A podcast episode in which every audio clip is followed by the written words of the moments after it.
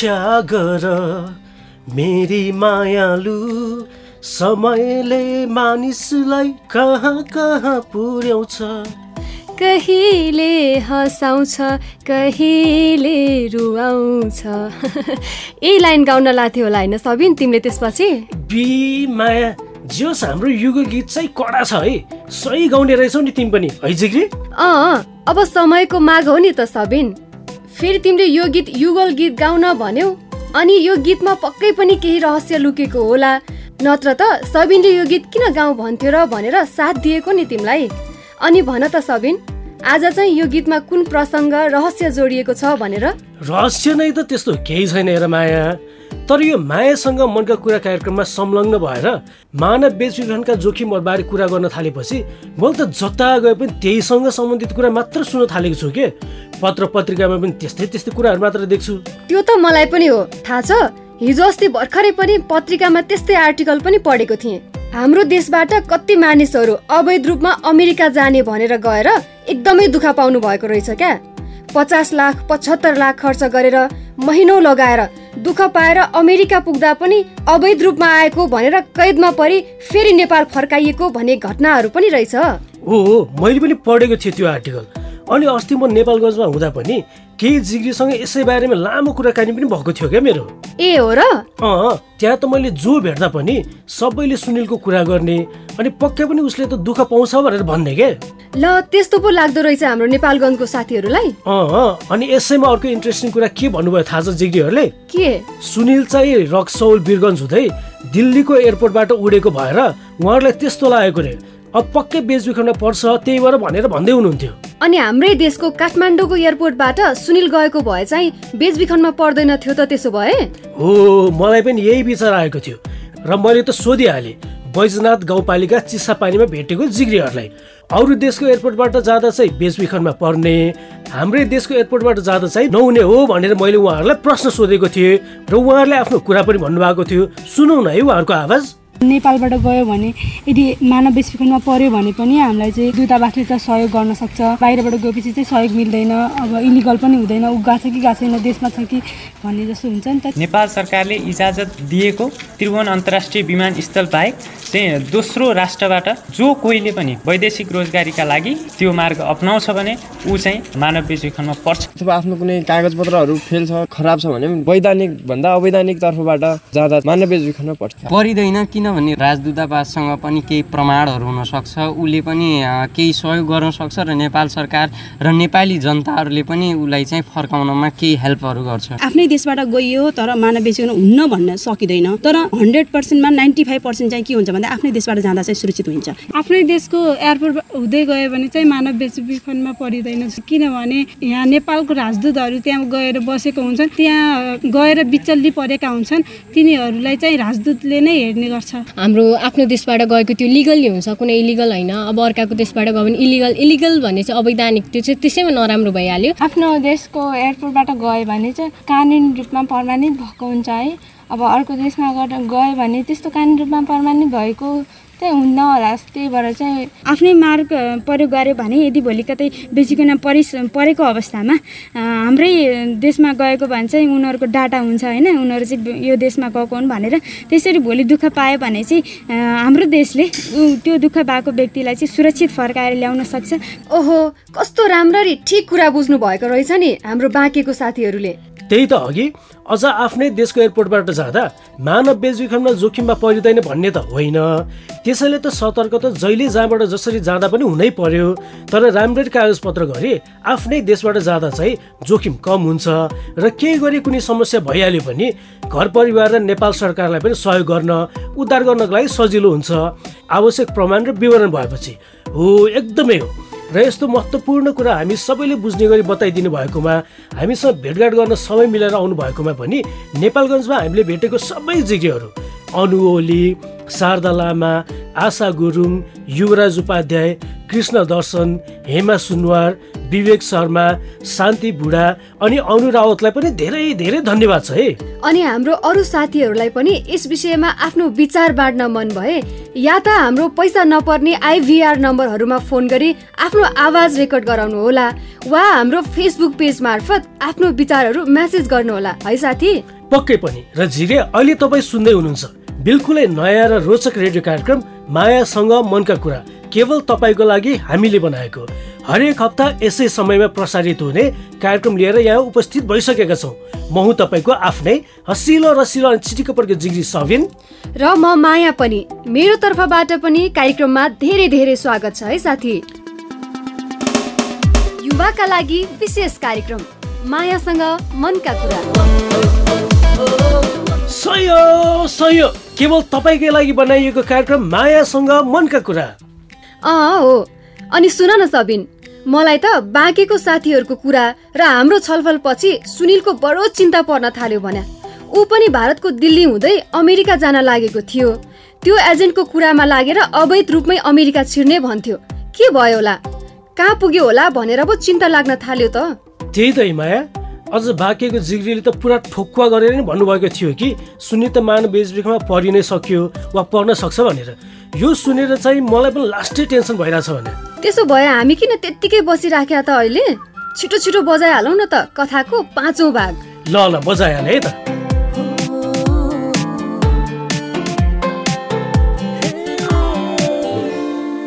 नमस्ते सन्चै हुनुहुन्छ? म सुनिल। मेरो जीवन कथा लिएर म आज पनि आइपुगेँ। अघिल्लो पालि मैले तपाईँहरूलाई अमेरिकाको लागि भारतबाट उडेको सम्म भनेको थिएँ। पहिलो पटकको यात्रा न भाषा बुझिन्छ न कोही चिनिन्छ। दिल्ली एयरपोर्टबाट उडेपछि अमेरिका पुगिने भइयो भनेर खुसी पनि लाग्यो। तर फेरि मनमा कता कता इलिगल तरिकाले जाँदैछौ भन्ने सम्झिँदा चाहिँ झसङ्ग भइन्थ्यो। दिक्क लाग्दो सुरक्षा जाँच लामो लामो ट्रान्जिट त्यसमाथि बोकेर गएको डलर सबै ठाउँमा नचल्दा भोकै बस्नुको पीडा। यो सब खेप्दै खेप्दै रसिया रसियाबाट स्पेनको बार्सिलोना कोलम्बियाको बोगोडा हुँदै इक्वेडरको गुयाकुलसम्म जहाजमा यात्रा गरियो। त्यसपछि इक्वेडरको एयरपोर्टबाट हामी राति बाहिर निस्क्यौँ।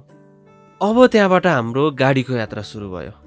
इक्वेडरको क्युटो कोलम्बियाको काली हुँदै कोलम्बियाकै टर्बो भन्ने ठाउँसम्म। अब भने टर्बोबाट हाम्रो डुङ्गाको यात्रा सुरु भयो। निकै डरलाग्दो यात्रा। हामी बर्खा मासको भेलभन्दा धेरै पानी नदेखेका मान्छे पहिलोचोटि समुद्र देख्दा त सातै जान्छ। त्यसमाथि ढलपल ढलपल गर्ने सानो डुङ्गा। अनि त्यो डुङ्गाभित्र पानी पसेको पसे गर्ने। भगवान्को नाम जप्दै जप्दै जेन तेन हामी कपुर गानाको जङ्गलमा पुग्यौँ र चार दिन त्यहीँ बस्यौँ। अनि सुरु भयो हाम्रो लगातार सात दिनको पैदल यात्रा। साढे दुई दिनसम्म त हामीलाई त्यो एजेन्टकै मान्छेले गाइड गर्यो। तर त्यसपछि भने उसले एउटा ठुलो पहाड देखाएर त्यो कटेर खोला आउँछ अनि खोलै खोला जानु भनेर सङ्केत गर्यो। अनि ऊ चाहिँ फर्क्यो। त्यतिन्जेल हामीसँग भएको खानेकुरा सब सकिसकेका थियो। माथि हेर्दा आकाशै नदेखिने। काहाली लाग्दो अनकन्टार जङ्गलको उकालो ओह्रालो। झन् त्यसमाथि जुका र अनेक खालका किराहरूको टोकाइ उस्तै। अझ लगातार पानी परिरहने मौसम। हिँड्यो सब झेल्दै झेल्दै लखतरान भएर।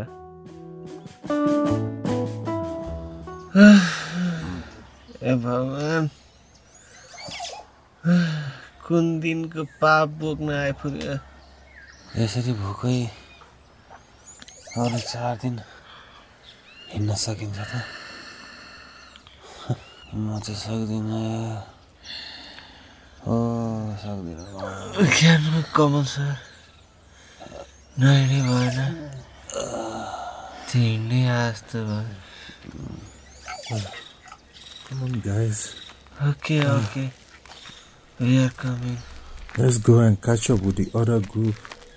हामी कमिङ यो भयो यिनीहरूको पनि हालत खराब छ। बच्चाहरू ल्याएर किन हामी किन आएको त दाइ? खुट्टा नि बुटभित्रै कुहिन्छ क्या? अमेरिका पुग्दा त जिउ मात्रै पुग्ला जस्तो छ। खै जिउ पनि के हो कसो हो? ल आऊ आऊ। हिँडेपछि आफ्नै बाटो कट्ने हो। ल साथी। आकृति म हिँडिरहेको छु है तपाईँको माया देखेर पनि अचम्म लाग्छ हौ दाइ। चुप्पा गरी गरी त्यो फोटो खुलिनु लागिसक्यो। मायाको लागि हिँडेको छ सर। यहाँ अलिक चिप्लो छ बिस्तारै आउनु फेरि पानी बन्न थाल्यो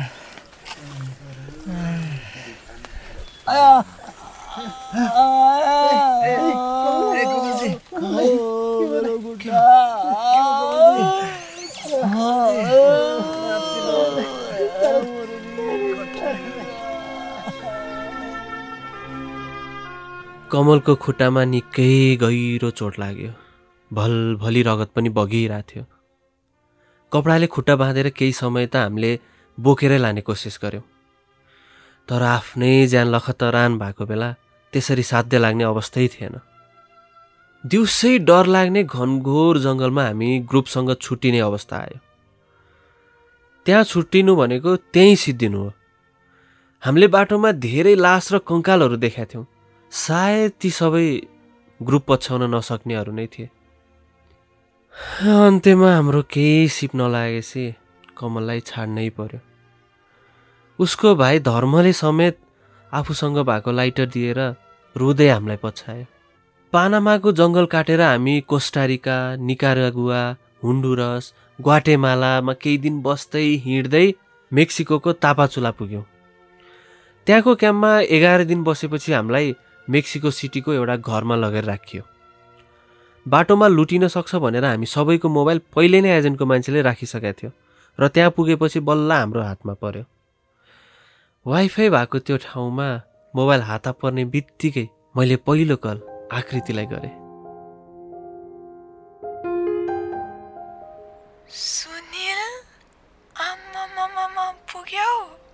Aakriti miss you so much यार। मिस यु टु सुनिल कहाँ पुग्यौ भन त? म अहिले मेक्सिको आइपुगेँ। ए अनि के हो तिमी त पुरै दारी कपाल आम्मामामा? हेर त हेर। दुब्लाको हो तिमी? अँ अब यस्तै छ हेर।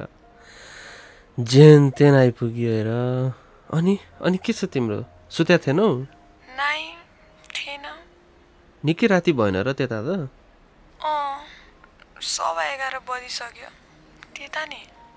यता त दिउँसोको साढे बाह्र बजा छ। ए ठ्याक्कै उल्टो रहेछ है। करिब करिब। अनि भन न अरू के छ? ठिकै छ। अनि कस्तो भयो त यात्रा? यात्राको त के कुरा गर्नु र आकृति? अविस्मरणीय भयो। बाटोमा साह्रै दुःख भयो होला है। गाह्रो साह्रो जे जस्तो भए पनि अब करिब करिब आइपुग्यो हेर। सुन न। मेरो एउटा कल आइरहेछ साथीको। अनि अब राति पनि भइसक्यो। भोलि कुरा गरौँ न है। यति राति को साथी हो र? मेरो साथी हो के? मैले उठाएँ ल म। गएँ बाई बाई टेक केयर अनि अनि सुन त।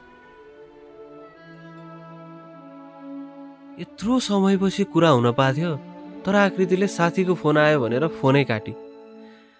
राति एघार बजे। कसले फोन गर्यो होला भनेर म छक्क परेँ। त्यसको भोलिपल्ट पनि हाम्रो कुरै हुन पाएन। अनि पर्सिपल्ट चाहिँ हामीलाई जहाज चढाएर टिजुवाना एयरपोर्टमा पुऱ्यायो त्यसपछि गाडीमा राखेर बोर्डरसम्म लग्यो। अनि उता चाहिँ मोबाइल लग्नु हुन्न है भनेर हामी सबको मोबाइल उसैले लग्यो र हामीलाई बोर्डर क्रस गरेर छिर भन्यो। हामी दौडिँदै गएर सानो सुरुङ जस्तो बाटो बोर्डरभित्र छिर्यौँ। छिरेको पाँच मिनट भएको थिएन अमेरिकी सुरक्षाकर्मीले हामीलाई समाते र हतकडी लाएर जेलमै लगे। जेलमा झन् मोबाइल राख्न पाउने कुरै भएन। सबैको लागि एउटै फोन थियो त्यो पनि आफूसँग पैसा छ भने मात्र प्रयोग गर्न मिल्थ्यो। एक मिनट कुरा गर्दा झन्डै एक डलर लाग्थ्यो। अब यस्तो भएपछि आकृति र मेरो सम्पर्क विच्छेद जस्तै भयो। दुई तिन महिनामा बल्ल तल एक दुई मिनट कुरा हुन्थ्यो। यसरी छ महिना जेलमै बितेपछि हामीलाई डिपोर्ट पेपरमा सही गर्न लगायो सही गर्ने बित्तिकै मैले आकृतिलाई फोन गरेँ। अनि अब के हुन्छ त? अब डिपोर्ट नै गरिदिन्छ। हो र। अनि अरू केही उपाय छैन? उपाय भनेको त अब त्यही अब धरौटी राखेर केस लड्ने रहेछ। एक दुईजना साथीहरू पनि लड्दैछन् लड्न त। तर त्यो पनि स्योर चाहिँ नहुने रहेछ। अनि साथीहरू कोसिस गरिरहेछन् भने तिमी पनि गर न। मैले हार खाइसकेँ आकृति। त्यो सब गरेर पैसा खर्च मात्रै हो कि? अब हुनेवाला केही छैन। झन् मैले त अब डिपोर्ट कागजमा नि साइन गरिसकेँ सुनिलसँग बोल्दै हो बुवा एकछिन बुवा कुरा गर्छु भन्नुभएको छ कुरा गर ल। के कुरा गर्ने हो बुवासँग हेलो? हजुर हजुर अङ्कल नमस्ते। नमस्ते के छ? के हुनु अङ्कल? अब फर्किने नै भइयो। किन फर्किने? वकिल लाएर केस लड्ने नि। त्यहाँ पुगिसकेको मान्छे साम दाम दण्डभेद अप्नाएर भए पनि उतै बस्ने कोसिस गर्नु पर्यो नि। अब होला जस्तो भए पो कोसिस गर्ने अङ्कल। अनि के? फर्केर आउने त। उपाय नै नलाएपछि के गर्नु अङ्कल? फर्काइदिने नै भयो। होइन यता आएर कुन मुख देखाउने हो र भने? अलिकति लाज भन्ने कुरा त हुन्छ नि होइन र? अब हुन त हो अङ्कल तर अब मैले यतै बस्छु भनेर पनि हुने कुरै भएन। यत्रो खर्च गरेर अमेरिका पुगेर फेरि फर्केर आउने? उपाय लागेन अब के गर्नु? गर्नसम्म त गरेकै हो। यस्तो तालले त जिन्दगीमा के नै होला र खै?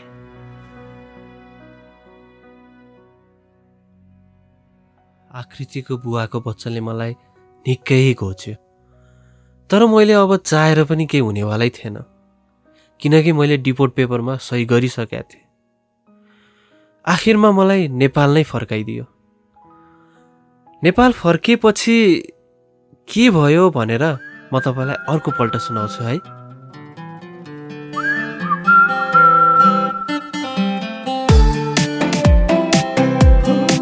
हेत्तेरिका आखिर सबैले सोचेको जस्तो नै भयो अघि। दुःख पाए जिग्री सुनिलले दुःख पायो। जानलाई जति गाह्रो भए पनि एकपटक सुनिल अमेरिका पुगेपछि सुनिलको सबै सपना पुरा हुन्छ। सुखी खुसी भएर आकृतिसँग जीवन बिताउनु पाउँछ होला भनेर सोचेको त डिपोर्ट पो हुने भयो त। कस्तो के है माया? त्यही भनेको के है सबिन? त्यस्तो दुःख कष्ट गरेर कतिवटा देश छिचोलेर कति जोखिम मोलेर अमेरिका पुगेको थियो। अझ आफूसँगै गएको साथीलाई मर्नु न बाँच्ने अवस्थामा छोडेर जानु परेको थियो। अनि बाटोभरि मान्छेको कङ्कालहरू देखेको कुरा सुन्दा त मनै कस्तो भारी भयो। हेर त। हाम्रो साथी सुनिलले कस्तो सोच्दै नसोचेको दुःख भोग्न पर्यो? त्यही त माया। त्यही भएर जिग्री सुनिलले जुन गल्ती गर्यो त्यो गल्ती धेरैजना जिग्रीले गर्नुहुन्छ। आफ्नो सपना पुरा गर्न नयाँ ठाउँ विदेश घुम्ने रहरले अनि टन्नै पैसा कमाउने लालसाले। तर पैसा कमाउनेकै लागि देश विदेश घुम्नेकै लागि महिनौ वर्षौँ लाएर त्यस्तो लाखौँ लाख पैसा डुबाएर आफ्नो सपनाको पछि केही कुरै नबुझी अवैधानिक तवरले वैदेशिक रोजगारीमा जानु कतिको बुद्धिमत्ता हो भन्नुहोस् त। त्यही भएर साथी एकचोटि होइन दुईचोटि होइन मजाले राम्ररी केलाएर विश्लेषण गरेर पछि आउन सक्ने सम्भावित समस्याको बारेमा बुझेर अवैधानिक तवरले भन्दा पनि वैधानिक वा कानुनी प्रक्रिया पुरा गरेर मात्रै वैदेशिक रोजगारीमा जाने निर्णय गर्नुहोला भनेर भन्न चाहन्छु। नत्र मानव बेचबिखनको जोखिममा हामी पनि पर्न सक्छौँ है। है सबिन? सही हो माया सही हो। र हामीले आज सुनिलको कुरा गरिरहँदा त्यो भन्दा पनि अवैध तरिकाले विदेशी खोज्दा दुःख पाइन्छ। त्यो भनेको ठुलो जोखिम हो भनेर कुरा गर्दा नि सुनिल त जाने बेलामा अवैध तरिकाले जान्छु भनेर गयो र दुःख पायो होइन?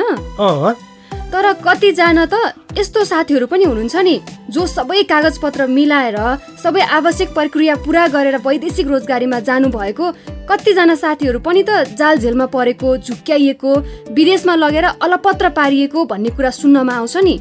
भन्न खोजेको चाहिँ तिमीले के हो माया भन त? भन्न खोजेको? म हाम्रो साथी रिमोनीलाई कस्तो पर्या थियो भनेर उनको कथा तिमीलाई र हाम्रो साथीलाई सुनाउँछु भनेर। पहिला त्यो सुन है त। हुन्छ हुन्छ। दुई हजार आठमा चाहिँ मलेसिया वैदेशिक रोजगारकै रूपमा गएको थियो। मेरो माइल दिदी चाहिँ मलेसियामा उहाँको लागि केही तामान पठाउनको लागि पनि त्यहाँ गएको थिएँ। अनि त्यहाँको दिदीहरूले चाहिँ के भन्नुभयो भने बहिनी एकदमै राम्रो अफर आह मलेसियामा चाहिँ एकदम स्यालेरी पनि राम्रो छ धेरैजनाको डिमान्ड छ तत्कालै जान पाइन्छ। फर्किसकेपछि चाहिँ अनि बेलुका फेरि फोन आयो कि पास हुनुभएको छ इन्टरभ्यू दिनलाई भोलि आउनु भन्नुभयो। अनि इन्टरभ्यूमा त अब धेरै कुराहरू सोधिन्छ भन्ने हो। पैसाको मात्रै कुरा गर्नुभयो। एकैचोटि मेडिकल भन्नुभयो। मेडिकल गरेर बेलुकै अनि तपाईँ मेडिकल पास भयो भनेर फोन गर्नुहुन्छ है। त्यसपछि ल तपाईँ पैसा बुझाउन आउनुहोस् रे तिन दिनमा त। है एक हप्तामा चाहिँ म मलेसिया पुग्यो। सिडी बनाउने भनेर चाहिँ भन्नुभएको थियो होइन? अनि के हुन्छ कस्तो बन्छ भनेर मैले प्रश्न पनि गरेको थिएँ कि। अनि तपाईँ त्यहाँ पुगेपछि त थाहा पाइहाल्नुहुन्छ नि भन्नुभयो। अनि यहाँ कम्प्युटरमा चाहिँ त्यही सिडी मात्रै देखाइदिनु भएको थियो कि हामीलाई। अनि एयरपोर्टको गेटमा पुगेपछि सबैलाई पासपोर्ट दिनुभयो। अनि त्योभन्दा अगाडि त एक दिन अगाडि नै पैसा बुझाउँदाखेरि रसिद पनि दिनु भएन। पासपोर्ट पनि दिनु नि त। हेर्छौँ हामी। भनेको अनि होइन तपाईँहरूलाई गेटमा छिरेपछि पासपोर्ट भिसा सबै उपलब्ध हुन्छ। ढुक्क भयो हुन्छ बहिनी भन्नु अब त्यो बेला त अब खासै थाहा थिएन। अनि तिमीहरू चाहिँ बाहिर नजाऊ पुलिस समाउँछु भन्नुभयो। अनि हामी यहाँबाट चाहिँ के भनेको थियो नि खाना बस्न छ। भन्नुभएको थियो कि? तर त्यहाँ त केही पनि छैन कि? होस्टेलभित्र बेड एउटा थियो। अनि भाषा त्यसको भाषा नि हामीले नबुझ्ने हाम्रो भाषा नि नबुझ्ने। एजेन्ट आउनु भयो साइन गर न पहिला भन्नु। अनि ठिकै छ साइन गरेँ। अब केही नबुझ्ने उनीहरूकै भाषामा लेखा रहेछ। अब हेर्दा इङ्ग्लिस तर भाषा उनीहरूको। एग्रिमेन्ट त हामी नेपालमा गरे। यहाँ चाहिँ किन भनेको? नेपालको एग्रिमेन्टले हुँदैन। यहीँ गर्नुपर्छ। काममा गएँ। काम पनि राम्रो छैन। एक महिनासम्म काम गर्यो पैसा छैन। अस्ति आउँदाखेरि सय रुपियाँ दिएको। त्यसपछि त माइनस पाँच रुपियाँ आएछ कि। तनाम अनि सबैजना त्यसपछि चाहिँ रुन थाल्यो अब पैसा कमाउँदैन रहेछ भनेर अनि हामीलाई किन सोह्र हजार काट्यो त नेपाली भन्दा त? तिम्रो नेपालको मेन पावरले त्यही भनेर पठाएको थियो। तिमीहरूलाई हामीले किनिसक्यो। अब हामीले जे जे गर भन्छ त्यही गर भन्नु अनि स्यालेरी किन कम आयो भन्दा तिमीहरूको कामै भएको थिएन भन्थ्यो। अनि काम छैन भने प्रोडक्सनमा चाहिँ बाह्र घन्टा उभिएरै भए पनि बस्नुपर्ने।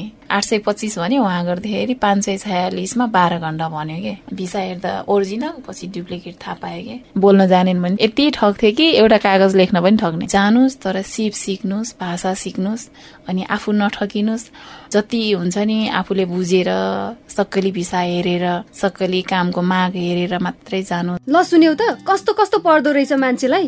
है त्यो त। मान्छेहरूले कस्तो कस्तो गरेर पनि झुक्क्याउने क्या अरे यो यो कुरामा चाहिँ सतर्क हो भनेर कसैलाई भन्नै नमिल्ने गरे क्या सबै कुरामा सबैजनादेखि होसियार हुनै पर्ने के? त्यही त। मैले सिकेको त। कसैले पनि केही कुरा सजिलोसँग गरिदिन्छु तिमीलाई केही दुःखै हुँदैन सबै मिलाइदिन्छु। वा एकैछिन गाह्रो हो त्यसपछि सुखै सुख हुन्छ। सजिलो काम गरेर धेरै पैसा पाइन्छ। यस्तो यस्तो केही कुरा पनि नपत्याउने रहेछ। यही नेपालमा बसेर काम गर्दा पनि वा विदेशमा जहाँ गएर जे गरे पनि मेहनत त आफूले गर्नै पर्छ।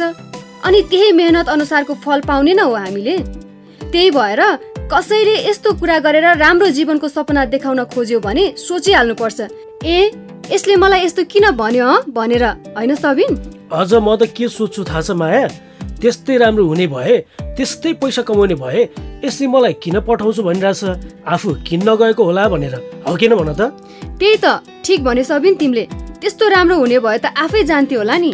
त्यही भनेको। त्यो सुनिलले पनि त्यही सोचेको भए अहिले यस्तो दुःख पाउने नै थिएन। हो भन्या बेकारमा। साँच्ची नि अब सुनिलको के हुने होला है? फर्केर आएर फेरि केही गर्छ कि? वा सबैभन्दा पहिले त बिहे नै पो गर्ला कि?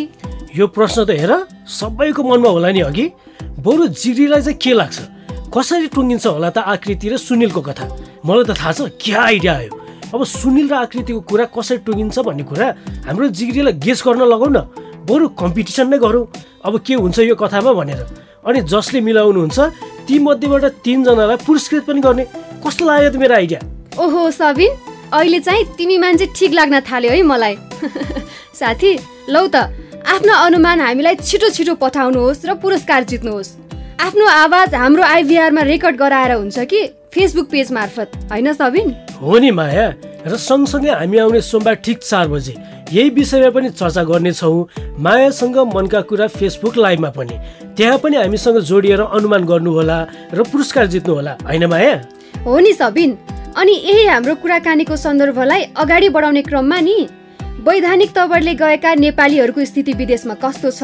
र अवैधानिक तवरले विदेशमा काम गर्न जानु भएको व्यक्तिहरूको अवस्था कस्तो छ? कस्तो खालको काम गर्नुपर्छ खाडी मुलुकमा भनेर मैले पिपुल्स फोरममा परियोजना संयोजकका रूपमा कार्यरत पुरुषोत्तम प्रजापतिसँग कुराकानी गरेको थिएँ। यो कुराकानी सुनाउन है अब। भइहाल्छ नि माया यति राम्रो कुरा लिएर आएपछि नि मनलाई भन्नुला त। होइन जिग्रे।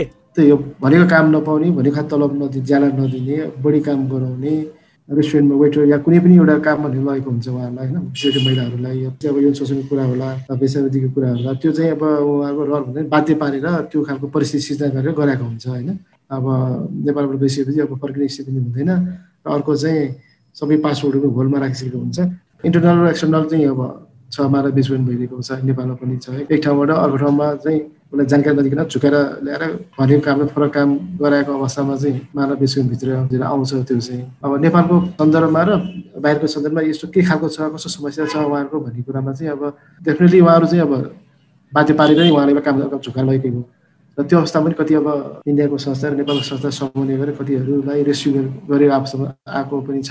उहाँको अवस्था त अब राम्रो छ भन्ने स्थिति छँदै छैन। पनि छ डेफिनेटली पनि अब त्यसबाट उम्किनको लागि चाहिँ त्यही भएर हामीले एकदम जानकारी लिएर सबै कुराको बुझेर कस्तो संस्थाबाट जाँदैछौँ त्यो संस्था दर्ता हो कि होइन जानुभन्दा अगाडि के के प्रक्रिया पुऱ्याउनुपर्छ। प्रक्रिया पुऱ्याएर गएको त हामी मानव एकदम हाई जोखिममा पर्ने सम्भावना छ भने यो जुन प्रक्रिया पुरा नगएपछि उहाँ त एकदमै हन्ड्रेड पर्सेन्ट जोखिममा हुने भइहाल्यो। किनकि कहाँ लान लाग्यो कता जान लाग्यो केही थाहा हुँदैन। कुन डकुमेन्ट हुन्छ न के हुन्छ एउटा पासपोर्ट एउटा चिना मान्छेको भरमा उहाँहरू चाहिँ अब नेपालको बाट नआइकन इन्डियाबाट श्रीलङ्काबाट विभिन्न त्यहाँबाट चाहिँ अरू तेस्रो मुलुक चाहिँ प्रयास गरेर हुन्छ। त्यसले चाहिँ उहाँलाई डेफिनेटली उहाँलाई चाहिँ त्यो बेसिकमा पढ्न सक्ने एकदम हाई सम्भावना हुन्छ। वेल इन्फर्म भएर जानु पर्यो हामीले होइन?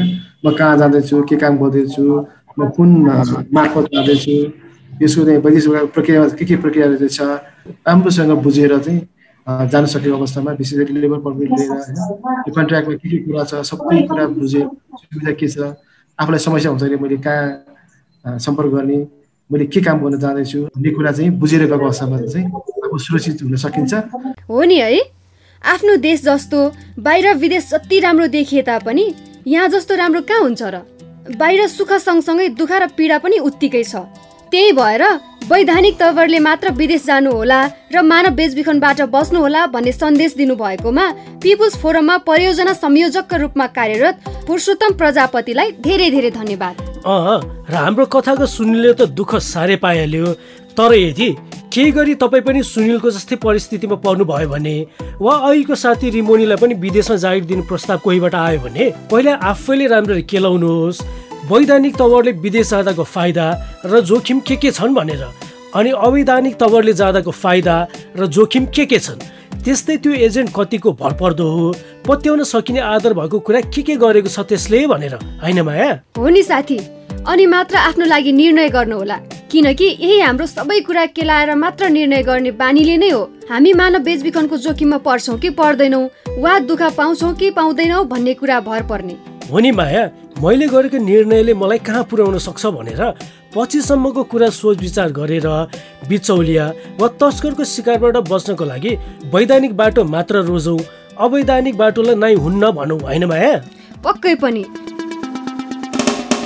युवाका लागि विशेष कार्यक्रम मायासँग मनका कुरामा आफ्नो विचार प्रतिक्रिया सल्लाह सुझाव समस्या जिज्ञासा रेकर्ड गराउन चाहनुहुन्छ भने एनटिसी प्रयोग गर्ने साथीका लागि सोह्र साठी शून्य एक छत्तिस छ सय छैसठी र एनसेल प्रयोग गर्ने साथीका लागि अन्ठानब्बे शून्य पन्ध्र एकहत्तर चार सय चौवालिस हो।